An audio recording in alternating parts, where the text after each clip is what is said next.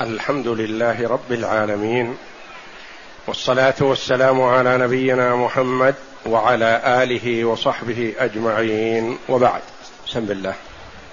بسم الله الرحمن الرحيم. قال المؤلف رحمه الله الحديث الرابع والعشرون بعد الثلاثمائة.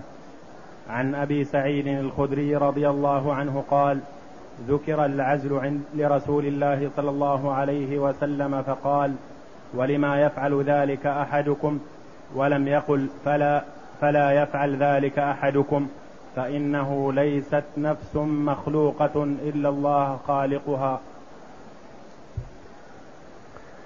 هذا الحديث عن أبي سعيد الخدري رضي الله عنه.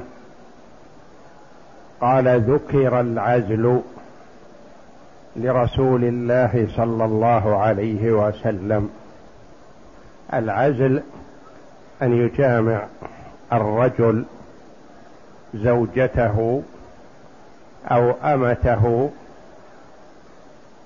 ثم عند الإنزال ينزع فينزل خارج.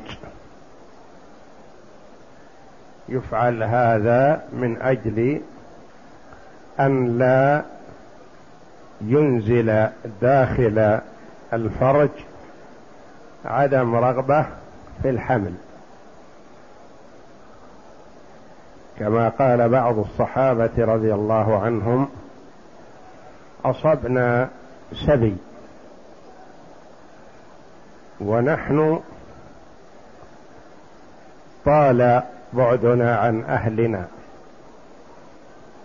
ونريد المال. فكنا نعزل. أصبنا سبي من حرائر العرب. ونريد المال يعني يريدون الفداء. يأخذ مثلا يأخذون السبي ويريدون الاستمتاع بها وهم لا يريدون منها الحمل. لأنهم يأملون أن يأتي ذووها فيفتدونها. هذا هو العزل. فقال أي رسول الله صلى الله عليه وسلم لما يفعل ذلك أحدكم؟ لما تفعلون هذا؟ سؤال استفهام إنكار. ولم يقل فلا يفعل ذلك أحدكم. يعني استفهم صلى الله عليه وسلم ولم ينهى لأنه لو قال فلا يفعل ذلك أحدكم لفهم منه النهي والتحريم. لكن قال لم يفعل ذلك أحدكم؟ وهو يعلم صلى الله عليه وسلم قصدهم في هذا فقال فإنه ليست نفس مخلوقة إلا الله خالقها. الأنفس المخلوقة التي أراد الله جل وعلا ازلا خلقها وإيجادها لا بد وأن توجد مهما فعل المرء. وكما ورد في حديث آخر لو ارقت ماءك الذي أراد الله منه الخلق أو النفس على جبل لخرج منه. ما أراد الله. لأن الله جل وعلا قدر وعلم عدد الخلق اجلا. علم أهل الجنة منهم وعلم أهل النار منهم قبل أن يخلقهم. فلذا قال صلى الله عليه وسلم فلما يفعل ذلك أحدكم؟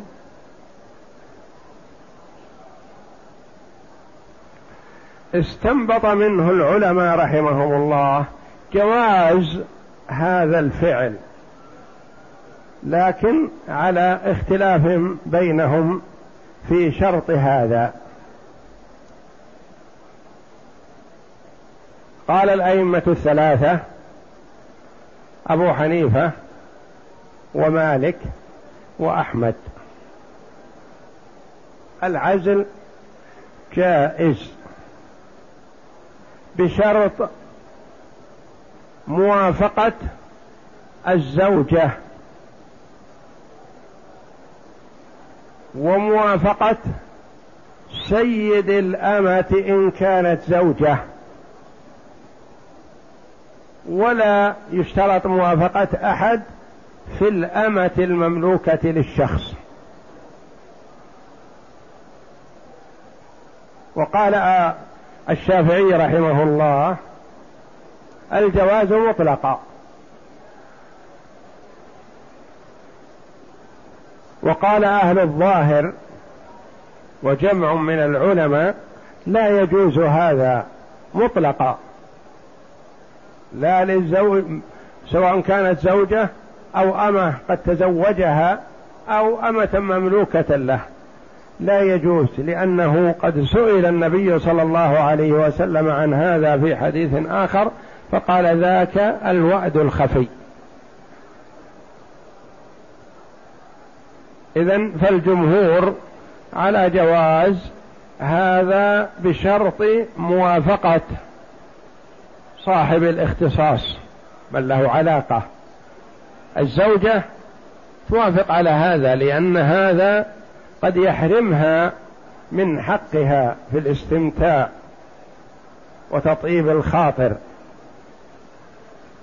و والأمة إذا كان متزوجها تزوجها بشروطه لأنه للحر أن يتزوج أمة بشرط ألا يستطيع التزوج بحرة ولا يستطيع التملك لأمة فيجوز له أن يتزوج أمة. فإذا كان قد تزوج أمة فيلزم إذن سيدها لأنه هو صاحب العلاقة وهو ربما زوجها يريد الإنتاج منها. وأما إذا كانت ملكا له وليست بزوجة فله أن يعزل منها بدون أن يستأذن أحد إنها ملك. وقد يريد الاستمتاع بها ولا يريد منها أن تلد. إما أنفة لا يريد أن يكون له ولد من أمة وإما لأنه يريد بيعها. ولا يريد بقاءها فإذا حملت منه أصبحت أم ولد لا يجوز بيعها. الشافعي رحمه الله قال هذه الأحاديث تدل على الجواز بدون هذه القيود التي أوردها بعض العلماء. الظاهرية قالوا لا يجوز لأن هذا لأنه سماه النبي صلى الله عليه وسلم الوعد الخفي. وكما سيأتينا الحديث الآخر كنا نعزل والقرآن ينزل فذلك دليل الجواز لأنه لو كان شيء ينهى عنه لنهانا عنه القرآن. ودل هذا الحديث على أن الأنفس معدودة. وأن الأمور بيد الله جل وعلا. فلا نعطل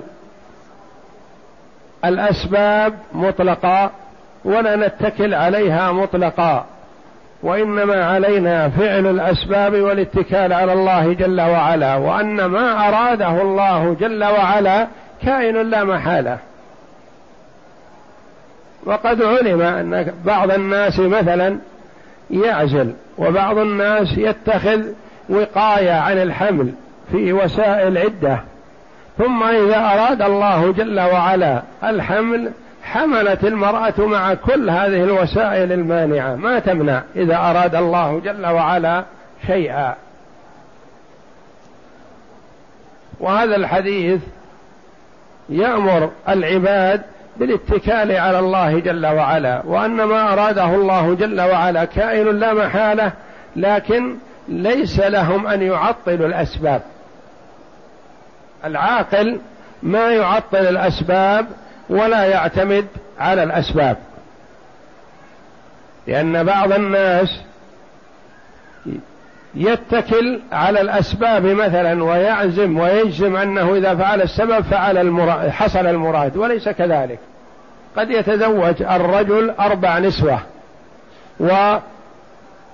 ويستمتع ويكون عنده عدد من الإماء فلا يقسم الله له ذرية ما أراد الله له شيء.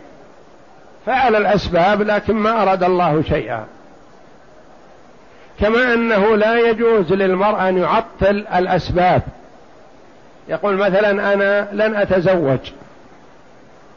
وإذا أراد الله جل وعلا لي ولد فسيأتي. من أي صفة ومن أي حالة أرادها الله جل وعلا.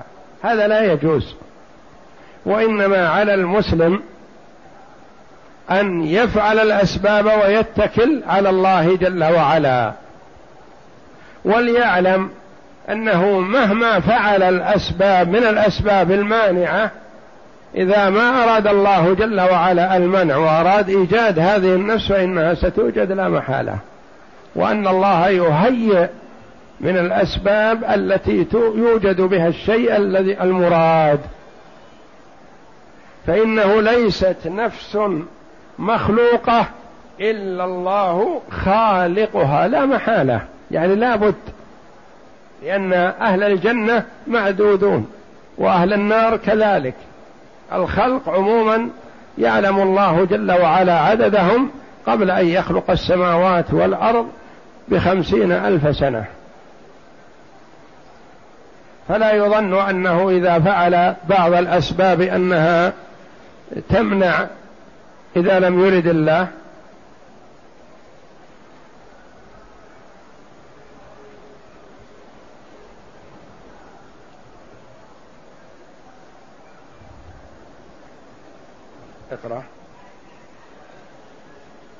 الغريب العزل نزع الذكر من الفرج إذا قارب الإنزال لينزل خارجه. ولما يفعل ذلك أحدكم استفهام بمعنى الإنكار. المعنى الإجمالي ذكر العزل عند رسول الله صلى الله عليه وسلم وأنه يفعله بعض الرجال في نسائهم وإمائهم فاستفهم منهم النبي صلى الله عليه وسلم عن السبب الباعث على ذلك بصيغة الإنكار. ثم أخبرهم صلى الله عليه وسلم عن قصدهم من هذا العمل بالجواب المقنع المانع عن فعلهم وذلك بأن الله تعالى قد قدر المقادير فليس عملكم هذا براد لنسمة قد كتب الله خلقها وقدر وجودها. لأنه مقدر الأسباب والمسببات. فإذا أراد خلق النطفة من ماء الرجل سرى من حيث لا يشعر إلى قراره المكين. ما يستفاد من الحديث أولا يأتي حكم العزل والخلاف فيه قريبا إن شاء الله تعالى. ثانيا إنكار العزل بقصد التحرز عن خلق الولد لأن فيه اعتمادا على الأسباب وحدها. لأن العزل لأجل أن لا يكون ولد هذا في اعتماد على السبب. يظن أنه إذا عزل خلاص ما وجد الولد. فالله جل وعلا إذا أراد الولد ولو عزل فإنه سيكون الشيء الكافي للقاح بإذن الله ويصل إلى مكانه الذي قدره الله جل وعلا. ثالثا أنه ما من نفس مخلوقة إلا وقد قدر الله وجودها ففيه الإيمان بالقدر وأن ما شاء الله كان وما لم يشأ لم يكن. وليس فيه تعطيل للأسباب فإنه قدر الأشياء وقدر لها أسبابها فلا بد من عمل الأسباب. يعني فعل الأسباب مأمور به شرعا ولا يجوز للمرء أن يعطل الأسباب. يقول لا أنا لا أتزوج وإذا كان الله قدر لي ولد فسيأتي. نقول افعل الأسباب. نعم وإذا كان الله جل وعلا قد قدر لك الولد جاء مع فعل الأسباب وإن كان لم يقدره مهما فعلت من الأسباب فلن يكون. نعم. والله يقدر ما يشاء ويفعل ما يريد فتعطيل الأسباب وعدم الإيمان بتأثيرها أو الاعتماد عليها وحدها كلاهما مذهب مذموم. والمذهب الحق المختار الوسط. يعني تعطيل الأسباب مذهب مذموم والاعتماد على الأسباب مذهب مذموم. فكلا المذهبين مذموم. أنت افعل الأسباب ولا تعطلها ولا تتكل عليها بل اعتمد على الله جل وعلا. والمذهب الحق المختار الوسط هو الإيمان بقضاء الله وقدره وأن للأسباب تاثيرا وهو مذهب أهل السنة وبه تجتمع الأدلة العقلية والنقلية ولله الحمد. والله أعلم وصلى الله وسلم وبارك على عبده ورسول نبينا محمد وعلى آله وصحبه أجمعين.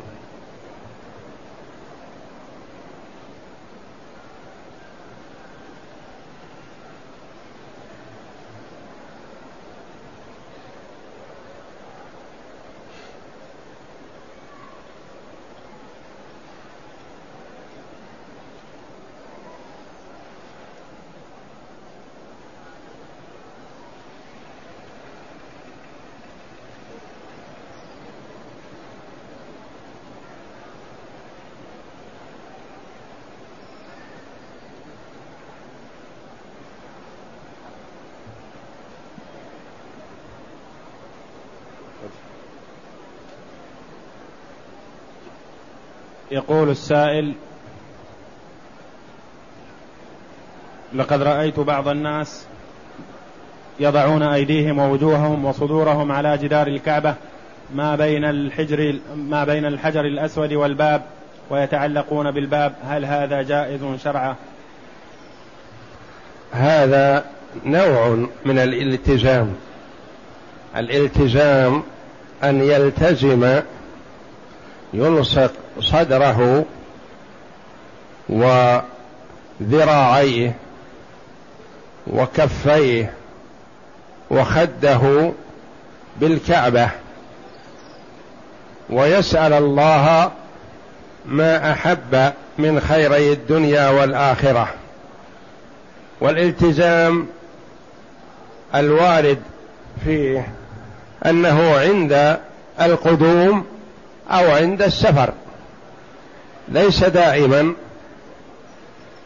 إذا قدم المرء إلى مكة وتيسر له الالتزام أو أراد السفر ويكون السؤال لله تبارك وتعالى ومكان الالتزام من الحجر الأسود إلى الباب أو إلى مدخل الحجر من جهة الحجر الأسود من جهة الباب. وهو وارد كان الصحابة رضي الله عنهم يفعلونه. وأما بقية أركان الكعبة وجدرانها فلا تلتزم. هذا مكان الالتزام من الحجر الأسود إلى الباب أو من الحجر الأسود إلى مدخل الحجر من جهة الباب. ويكون السؤال والتضرع لله تبارك وتعالى.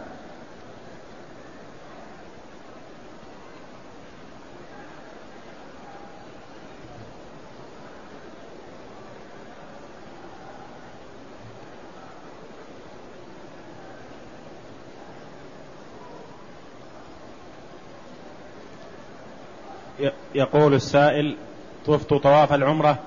ولكن كنت لا أعرف الخط الذي على الأرض المجعول علامة على بداية الطواف. وبعد أيام وجدت أني كنت أجتاز هذا الخط بحوالي عشرة عشر أقدام أو أكثر وأستقبل الحجر الأسود وأكبر.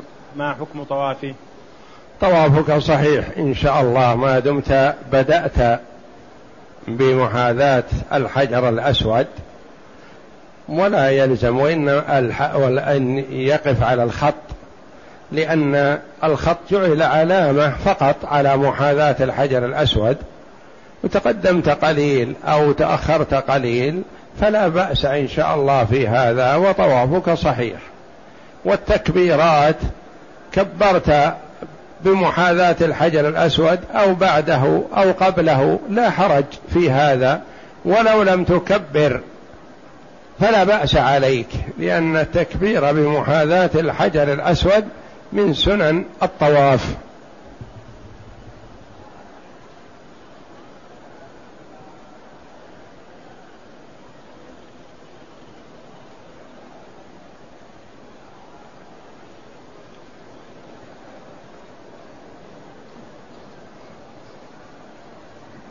يقول الرجل يقول السائل إجبار الرجل لزوجته على مصافحة الرجال من أقاربهم مع العلم بأن الزوجة عمرها يتجاوز الخمسين ما حكم ذلك؟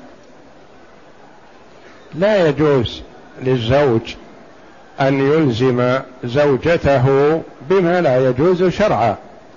ولا يجوز للزوجة في هذه الحال أن تطيع زوجها لأن هذا فيه معصية لله. كونها تصافح الرجال الأجانب لا يجوز لها ذلك.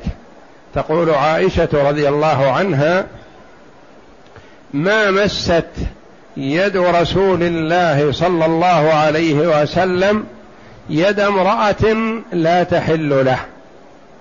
وكان عليه الصلاة والسلام إذا بايع النساء يبايعهن كلاما بدون مصافحة. كان يبايع الرجال بالمصافحة وأما بيعة النساء فكان يبايعهن كلاما.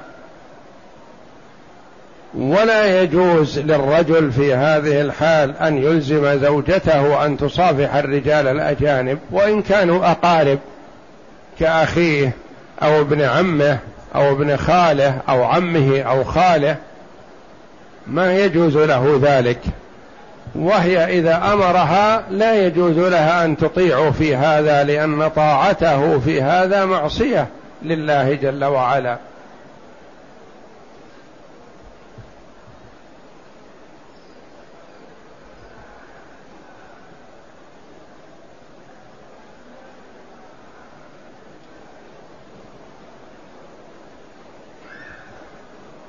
يقول السائل أو السائلة أم افتقدت ابنتها في حادث سير مع العلم بأن المتوفية كانت لا ترغب في ركوب السيارة إلا أن والديها أجبراها على ذلك وهما الآن يعيشان حالة من الاضطراب النفسي فما الحل؟ جزاك الله خيرا. ليس على الوالدين في هذا شيء ما دام لم يخطئا ولم يحصل منهم خطأ الوالد ما حصل منه خطأ في القيادة وهو المتسبب في وفاتها مثلا إذا كان هو متسبب في وفاتها فعليه ما يلزمه. وأما إذا كان مجرد رغب منها أن تركب معه أو تسافر معه أو تنتقل معه من مكان إلى مكان وألزمها والداها بالركوب ثم حصل ما حصل من الحادث فلا يلزم الوالدين شيء لأن الوالدين ما فرطا في شيء من ما أخطأ في شيء من ما يلزم الابتعاد عنه أو تركه. ليس عليهما شيء. وعليهما أن يحتسب ويرضى بما قضاه الله جل وعلا وقدره ويحتسب الأجر من الله تبارك وتعالى.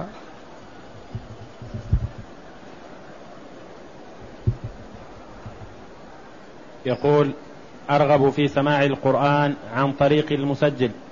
وأتهرب من قراءته عن طريق المصحف. ما الرأي؟ دلوني يرحمكم الله. هذا لا يخلو. إن كان إنك ما ترغب قراءته في المصحف مثلا لكونك مثلا لا تحسن معرفة الحروف وقراءة القرآن قراءة صحيحة وإنما ترغب مثلا الاستماع وتأنس بالاستماع فهذا لا بأس. وأما كونك ما ترغب وأنت تجيد القراءة ما ترغب القراءة بنفسك فعالج نفسك عن هذا لأن الأصل والأولى والجدير بالمؤمن أن يكون محبا لقراءة كلام الله تبارك وتعالى ويتلذذ بذلك كما يتلذذ بالاستماع يتلذذ بالقراءة. من المصحف. إلا إن كان كما سبق أنه لا يحسن القراءة ويحب أن يسمع القرآن من القراء الذين يجيدون ذلك فلا بأس عليه بهذا.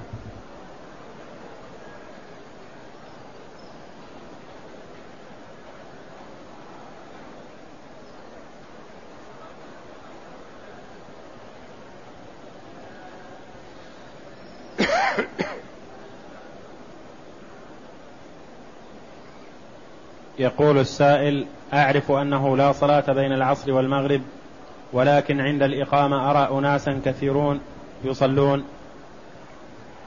نعم الصلاة بعد العصر بعد صلاة العصر إلى المغرب وقت من أوقات النهي. ما يفعل فيه من الصلاة إلا ذوات الأسباب. فأنت ترى ناسا يصلون وجد سبب لصلاتهم إما أنه دخل المسجد فيصلي تحية المسجد ولو بعد العصر أو أنه طاف بالبيت فوجد سبب للصلاة وهو الطواف فيصلي سنة الطواف ركعتين. أو أنه قرأ القرآن ومر بآية فيها سجدة بعد العصر فسجد. وجد سبب للسجود وهو المرور بآية السجدة. فالنهي لا تصلى فيه أوقات النهي لا تصلى فيه السنن المطلقة والنوافل المطلقة. لكن ذوات الأسباب تفعل. فإذا دخل المرء المسجد بعد صلاة العصر سواء كان المسجد الحرام أو غيره من المساجد فلا يجلس حتى يصلي ركعتين. دخل المسجد الحرام وطاف بالبيت فيصلي سنة الطواف ولو بعد العصر أو بعد الفجر. مثل ما إذا حضرت الجنازة بعد العصر الوقت وقت نهي. لكن حضور الجنازة مبيح لنا بأن نصلي في وقت النهي. فنصلي على الجنازة بعد العصر ونصلي على الجنازة بعد الفجر كما نصلي عليها في سائر الأوقات. فذوات الأسباب تفعل في وقت النهي وغيره. والنوافل المطلقة لا تفعل في وقت النهي. فمثلا شخص جلس بعد صلاة العصر في المسجد الحرام أو في غيره من المساجد يقرأ القرآن. بعد نصف ساعة مثلا من قراءته قام ليصلي ركعتين. نقول لا يا أخي الوقت وقت نهي. لا تقم تصلي. قرأ القرآن بعد العصر ثم قام وطاف بالبيت. ثم صلى ركعتين. فنقول نعم صلاة الركعتين هذه وجد سببها وهو الطواف بالبيت. فذوات الأسباب تفعل وغير ذوات الأسباب لا تفعل في وقت النهي. يقول أديت العمرة عن نفسي وأديتها عن خالتي وعند قيامي لصلاة الركعتين عند المقام أخطأت في التشهد الواجب فما الحكم؟ أولا ما يحسن للإنسان إذا قدم مكة أن يكرر العمرة وإنما إذا دخل مكة بعمرة يؤديها يطوف ويسعى ويقصر رأسه أو يحلق والحلق أفضل. ثم يتوقف ويكثر من الطواف بالبيت والصلاة وقراءة القرآن والذكر وسائر العبادات.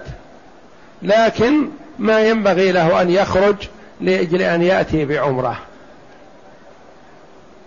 فإن سافر من مكة إلى مكان ما وأراد العودة إلى مكة فإذا عاد إلى مكة بعمرة فحسن لا بأس. أدى عمرته مثلا ثم سافر إلى المدينة أو سافر إلى الطائف أو سافر إلى جدة. ولما انتهى غرضه عاد إلى مكة نعم يعود إليها بعمرة لأنه جاء إلى مكة قادم إلى مكة فيدخلها بعمرة. لكن هو بمكة لا يخرج للإتيان بعمرة وقد أداها قريبا. وإنما الأولى له أن يصرف هذا الوقت كله أو بعضه بالطواف بالبيت أو بالصلاة أو بقراءة القرآن. ولا يخرج للإتيان بعمرة. إذا خرج وأحرم من التنعيم أو من غيره من أماكن الحل فعليه أن يتم عمرته. ولا يقول أخرج منها وأتركها. لا ما دام دخلت فيها فأتمها. لأن إن كان حصل منه سهو في صلاة الركعتين اللتين بعد الطواف فلا بأس عليه. والسهو يختلف. إن كان بترك ركن فلا بد من الإتيان به مع سجود السهو وإن كان بترك واجب فيجبره سجود السهو.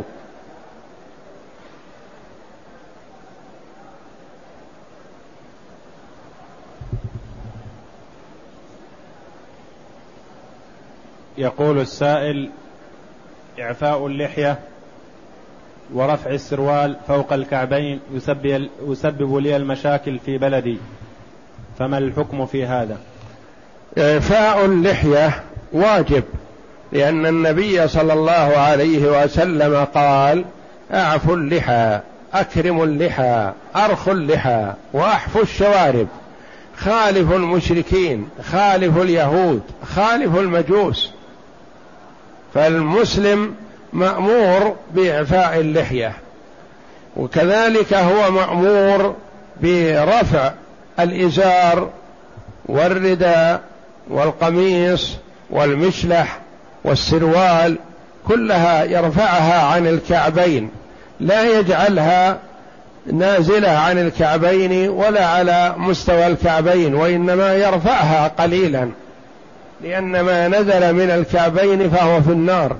ويقول صلى الله عليه وسلم من جر ثوبه خيلا ذكره من الثلاثة الذين لا يكلمهم الله. فحري بالمسلم أن يبتعد عما حرم الله. ثم إذا اضطر لفعل شيء من الأمور مرغما عليه أو خشية أن يعذب أو يؤذى ونحو ذلك مثلا فيكون معذورا في هذا لأن الله جل وعلا عذر المسلم في أن يتكلم بكلمة الكفر من أجل السلامة من أذى المشركين والمتسلطين عليه. كما قال الله جل وعلا إلا من أكره وقلبه مطمئن بالإيمان. فالمكره له حال خاصة. يعفى عنه في بعض الأمور.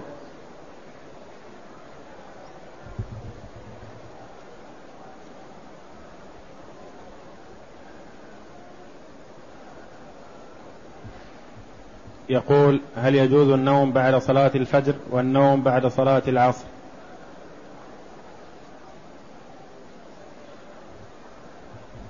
يجوز النوم بعد صلاة الفجر ويجوز بعد صلاة العصر. فلا نهي في هذا لكن إذا جلس بعد صلاة الفجر يذكر الله جل وعلا أو يقرأ القرآن أو يطلب العلم فهذا خير وأفضل. وكذلك إذا جلس لذكر الله جل وعلا بعد العصر فحسن. لكن لا يقال إنه لا يجوز له أن ينام. لا الأصل في النوم الإباحة ما لم يشغله عن واجب. ينام عن الصلاة يكون النوم محرم. يؤدي الصلاة وينام هو في حل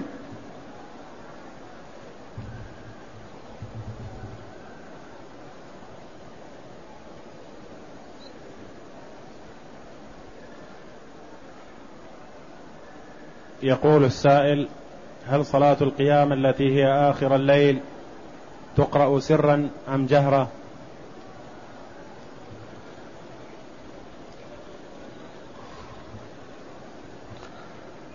القراءة في قيام الليل تكون بحسب الحال. إذا كان حوله أناس يتأذون بقراءته. لأنهم نيام ويوقظهم بهذا فيسر. وإذا كان حوله أناس يستفيدون من قراءته فالأولى له أن يجهر. وإذا كان لا هذا ولا هذا فالأولى أن يكون وسط وسط بين الجهر والإسرار. النبي صلى الله عليه وسلم استمع لأبي بكر الصديق رضي الله عنه وهو يقرأ بالليل سرا. ثم مر بعمر رضي الله عنه وهو يقرأ جهرا. فسألهم عليه الصلاة والسلام فقال لأبي بكر مررت بك وأنت تقرأ سرا. قال رضي الله عنه لقد أسمعت من ناجيت. يعني إني أناجي الله فأسمعته جل وعلا لأنه لا تخفى عليه خافية. وقال لعمر مررت بك وأنت تقرأ جهرا. فقال أوقظ الوسنان وأطرد الشيطان. يعني أجهر لهذا. فأمر النبي صلى الله عليه وسلم أبا بكر أن يرفع من قراءته وأمر عمر رضي الله عنه أن يخفض من قراءته. فأخذ من هذا أنه أن القراءة تكون وسطا بين الرفع وبين الإسرار. فإذا كان حوله أناس يتأذون بقراءته لأنهم يريدون النوم فلا يزعجهم بالقراءة. وإن كان حوله أناس يستمعون لقراءته وينصتون لها ويستفيدون منه فالأولى له أن يرفع من أجل أن لا يحرم الآخرين الاستفادة. وإن كان ليس حوله أحد لكنه يجد نشاط في رفع الصوت فيرفع. أو أنه يجد خشوع وتذلل أكثر إذا خفض صوته فيخفض. ينظر الأنسب له بحيث لا يضر بالآخرين ولا يضايقهم.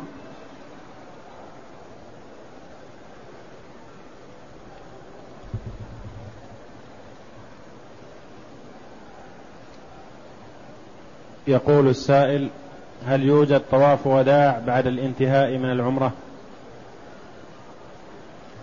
إذا أدى المعتمر عمرته وأراد السفر بعد تادية العمرة مباشرة فليس عليه وداع.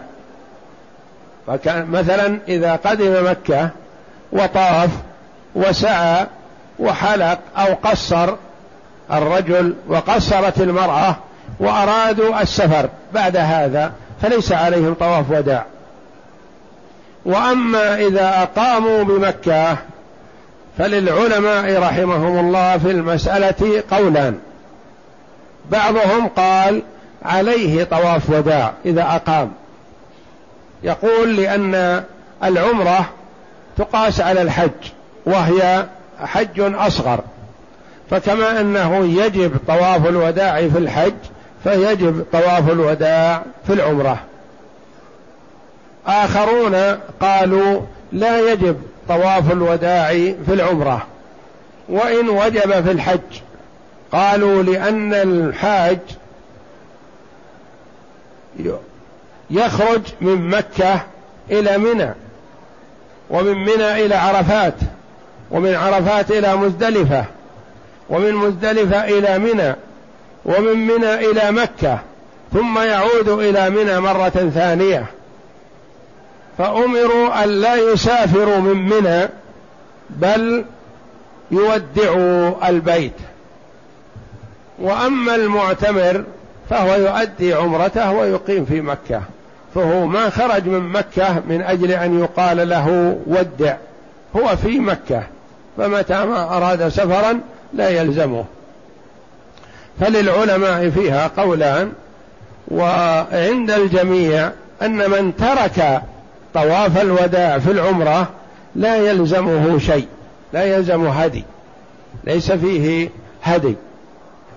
والاولى للإنسان خروجا من الخلاف أن يطوف للوداع لأن طواف الوداع عبادة وقربة وطاعة لله تبارك وتعالى فلا يفرط فيه المرء.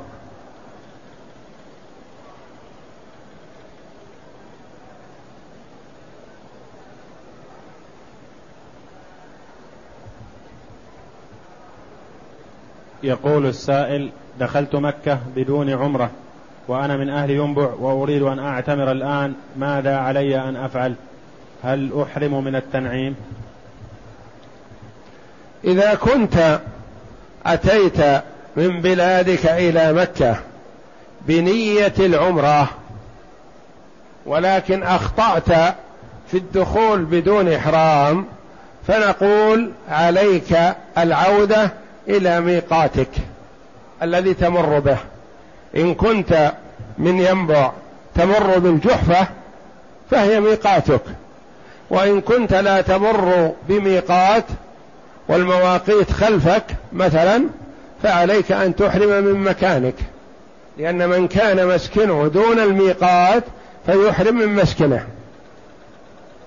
أما إذا كنت آتيت إلى مكة بدون قصد العمرة أتيت لغرض من الأغراض ولم تقصد العمرة لكن لما وصلت إلى مكة رغبت في أن تعتمر. نقول تخرج إلى الحل وتحرم ولا شيء عليك. الأول جاء من بلده يقصد العمرة لكن أخطأ ولم يحرم من الميقات نقول عد إلى الميقات وأحرم منه. الثاني جاء بغير قصد العمرة ما أراد العمرة جاء لغرض. وظن أنه ينتهي غرضه بساعة مثلا أو بيوم ويعود. فلما وصل إلى مكة وانتهى غرضه أو ما انتهى تجددت عنده الرغبة في العمرة. فنقول يخرج إلى الحل ويحرم من الحل ايا كان من التنعيم أو من عرفات أو من الشرايع أو من طريق جدة أو من طريق المدينة أي جهة. المهم أن يحرم من الحل ما دام دخل مكة بدون إحرام ويريد أن يحرم. ويؤدي عمرته ولا شيء عليه. أما إذا كان قد جاء بنية العمرة ولم يستطع العودة إلى الميقات وأحرم من الحل فيكون عليه هدي لأنه تجاوز ميقاته بدون إحرام.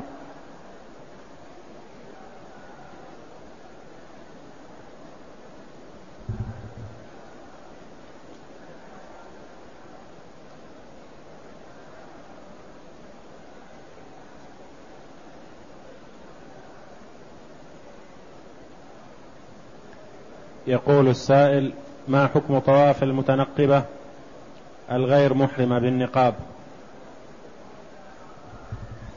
إذا طافت بالنقاب وهي غير محرمة فلا بأس عليها بل هذا يتعين عليها. يتعين عليها ستر وجهها وجميع بدنها. وأما إذا كانت محرمة فلا تلبس النقاب وإنما تغطي وجهها بالعباءة أو بالثوب أو بأي غطاء ولا تكشف وجهها أمام الرجال الأجانب. المسلمة لا تكشف وجهها أمام الرجال الأجانب سواء كانت محرمة أو غير محرمة في الصلاة أو خارج الصلاة. أما إذا كانت محرمة وليس حولها رجال أجانب مثلا كأن تكون في سيارة مع ذويها فلا تغطي وجه المحرمة. فإذا قربت من الرجال الأجانب فتغطي وجهها وإن كانت محرمة. كما تقول عائشة رضي الله عنها كنا مع النبي صلى الله عليه وسلم محرمات فإذا حاذوا بنا الرجال الرحال سدلت إحدانا جلبابها على وجهها فإذا جاوزونا كشفناه. فالمحرمة لا تغطي وجهها إلا عند الرجال الأجانب فيلزم أن تغطي وجهها.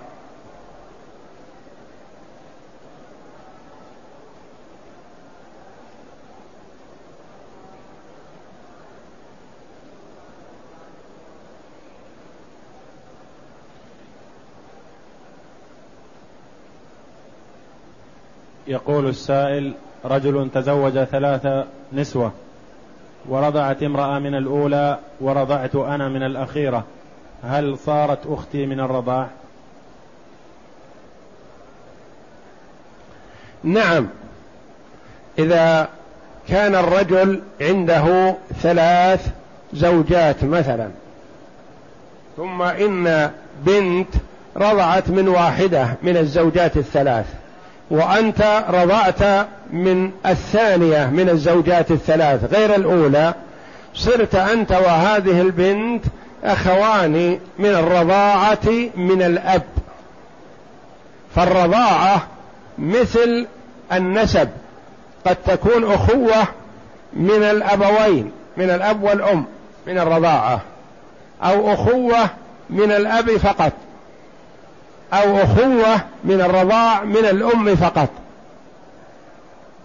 وإيضاح هذا إذا رضعت أنت وبنت أخرى من امرأة أصبحتما أخوان من الرضاعة من الأبوين. لأن أبوك من الرضاعة هو أبوها من الرضاعة وأمك من الرضاعة هي أمها من الرضاعة. فاجتمعتما في الأبوين. تكون الرضاعة من الأب فقط مثل الصورة التي معنا. إذا كان الرجل له ثلاث زوجات وكل واحدة أرضعت رضيعا مثلا. هؤلاء الثلاثة هذا الذي رضع من الأولى والذي رضع من الثانية والذي رضع من الثالثة أصبحوا إخوة من الرضاعة. لأن اللبن للفحل للرجل. فأبوهم من الرضاعة واحد وأمهاتهم من الرضاعة مختلفة. هذا رضع من هذه المرأة يكون زوجها هو أبوه من الرضاعة.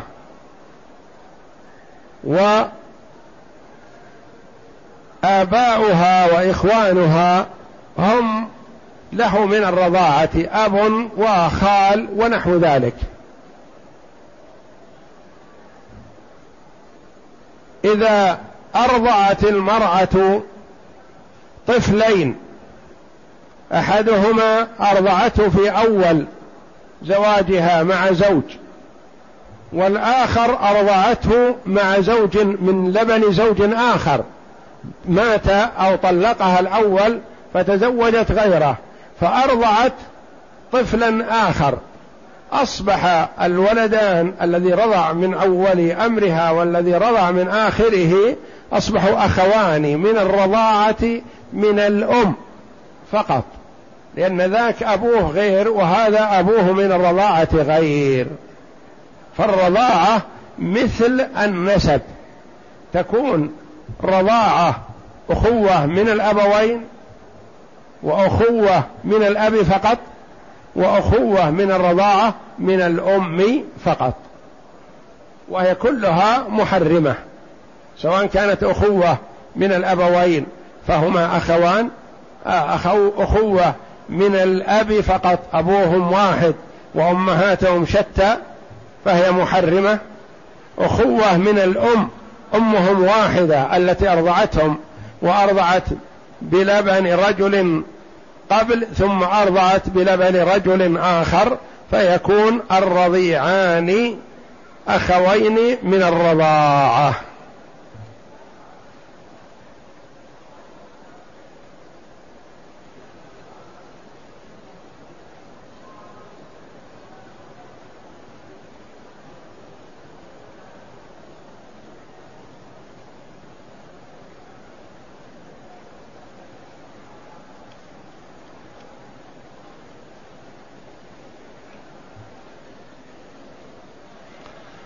يقول إن كفيلي منعني من الصلاة في المسجد.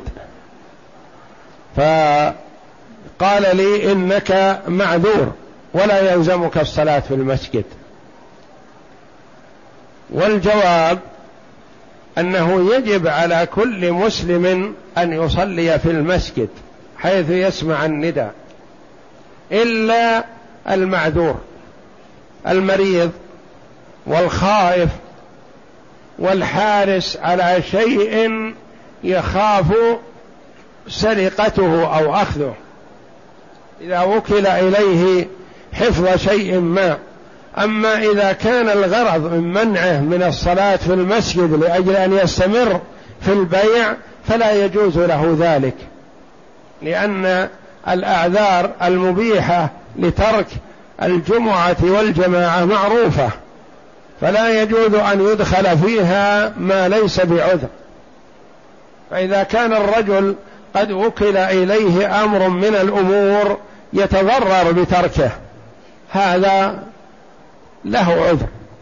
أما إذا كان الغرض العمل أو الغرض مثلا البيع والشراء ونحو ذلك فهذا لا يجوز.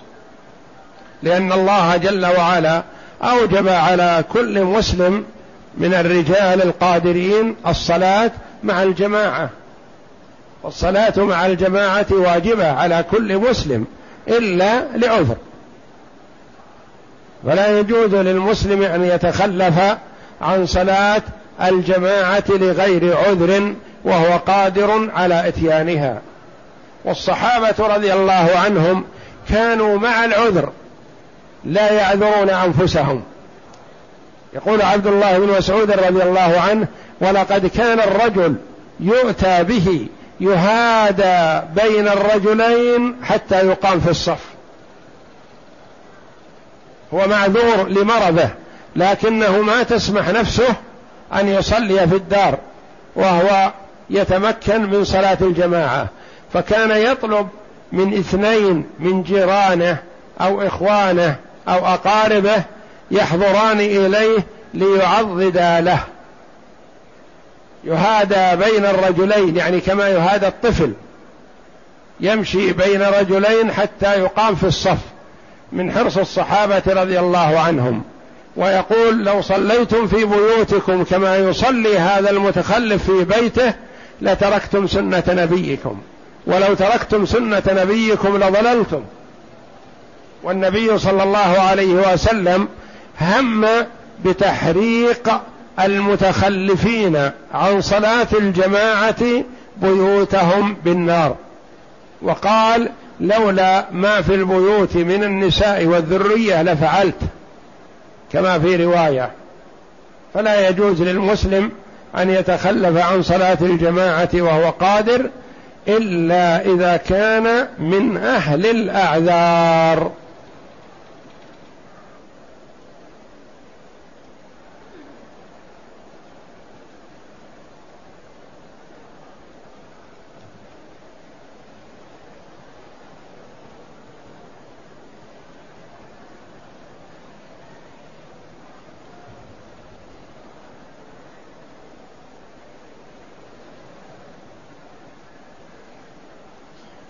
يقول السائل بيع سلعة زيادة عن ثمنها بسبب قلتها هل حلال أم حرام؟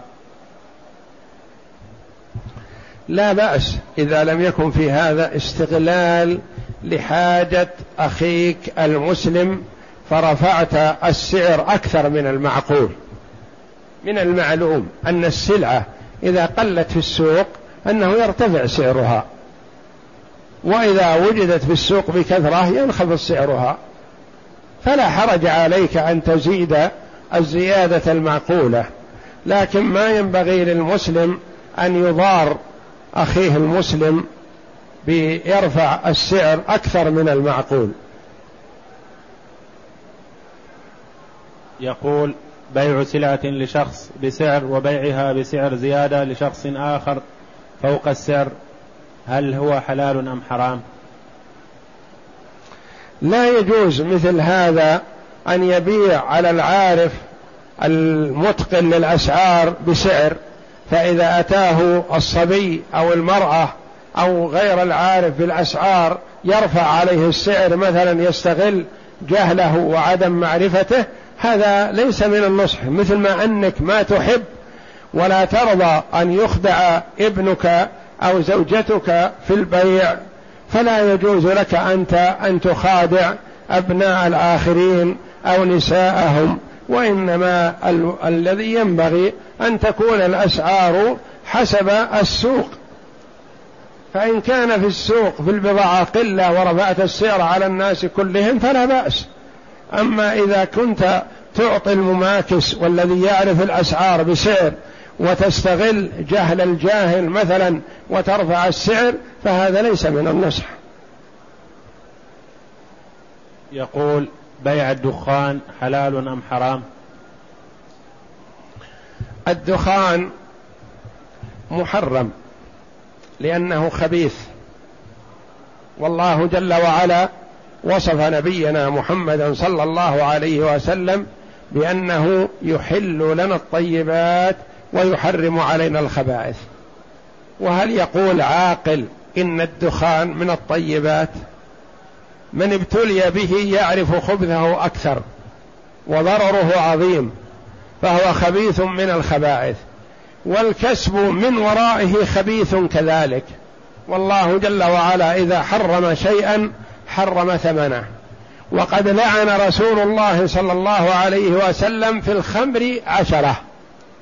عشرة أشخاص ملعونون في كأس الخمر. والشارب واحد. وتسعة أصابتهم اللعنة لما فعلوا وإن لم يشربوا. حاملها والمحمولة إليه وعاصرها وآكل ثمنها. عشرة أشخاص كلهم ملعونون على لسان محمد صلى الله عليه وسلم في الخمر والشارب واحد. واحد من العشرة الملعونين لأنهم تعاونوا على الإثم والعدوان. والدخان محرم لخبثه ولضرره وكل ضار فهو محرم. فلا يجوز للمسلم أن يتاجر به وعليه أن يتوب إلى الله وإذا تاب العبد إلى الله تاب الله عليه. والله أعلم. وصلى الله وسلم وبارك على عبده ورسول نبينا محمد وعلى آله وصحبه أجمعين.